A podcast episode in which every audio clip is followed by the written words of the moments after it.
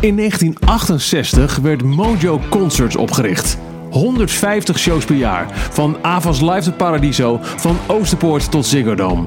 1 miljoen mensen per jaar kopen een kaartje voor een show georganiseerd door Mojo.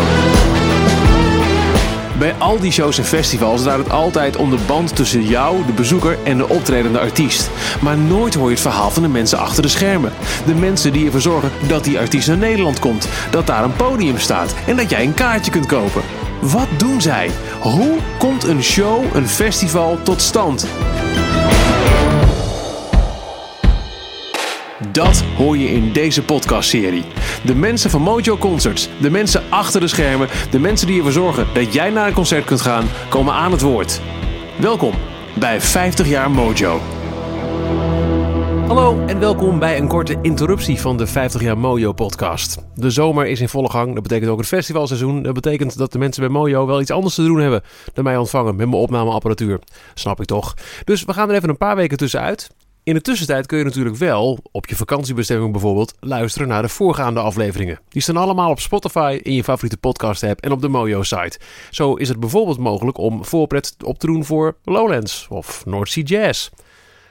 Deze podcast komt terug na de zomer met nog drie afleveringen. In een ervan zal het gaan over health and safety. Hoe hou je een festival of evenement gezond en veilig? Een goede vraag wel na het festival debakel van vorige week in België.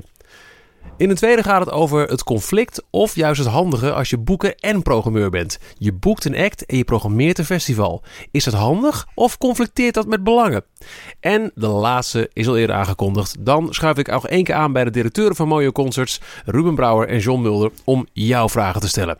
Heb jij vragen, ook na deze hele race, die nog niet beantwoord zijn over het vak van Mojo Concerts, van boeker, van programmeur, van eigenlijk alles wat ze bij Mojo doen?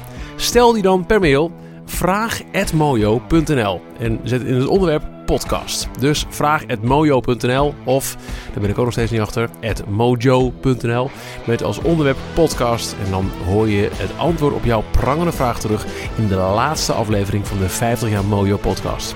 Een mooie, hopelijk met veel festivals gevulde zomer toegewenst en tot over een paar weken.